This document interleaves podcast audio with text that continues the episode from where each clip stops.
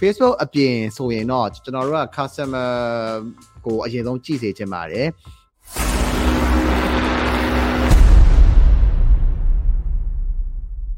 ပြေစော်ကိုကမေးထားတာမြန်မာနိုင်ငံမှာတဲ့အသေးစားနဲ့အလက်စားလုပ်ငန်းတွေအနေနဲ့ social media marketing တွေ Facebook အပြင်တဲ့နေရာယူထားတဲ့ platform ကပါလဲဆိုတော့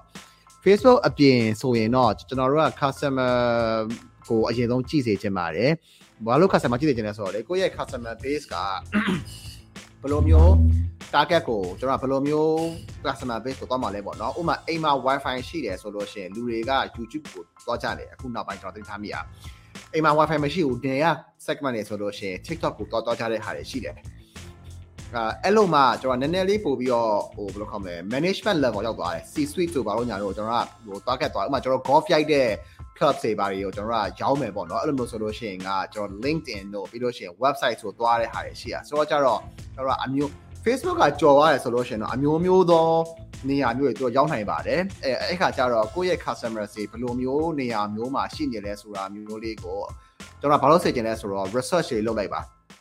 အာဥပမာဗျာကျွန်တော်တို့ message မှာကျွန်တော် chat လုပ်လိုက်ပေါ့နော်ကျွန်တော်တို့ okay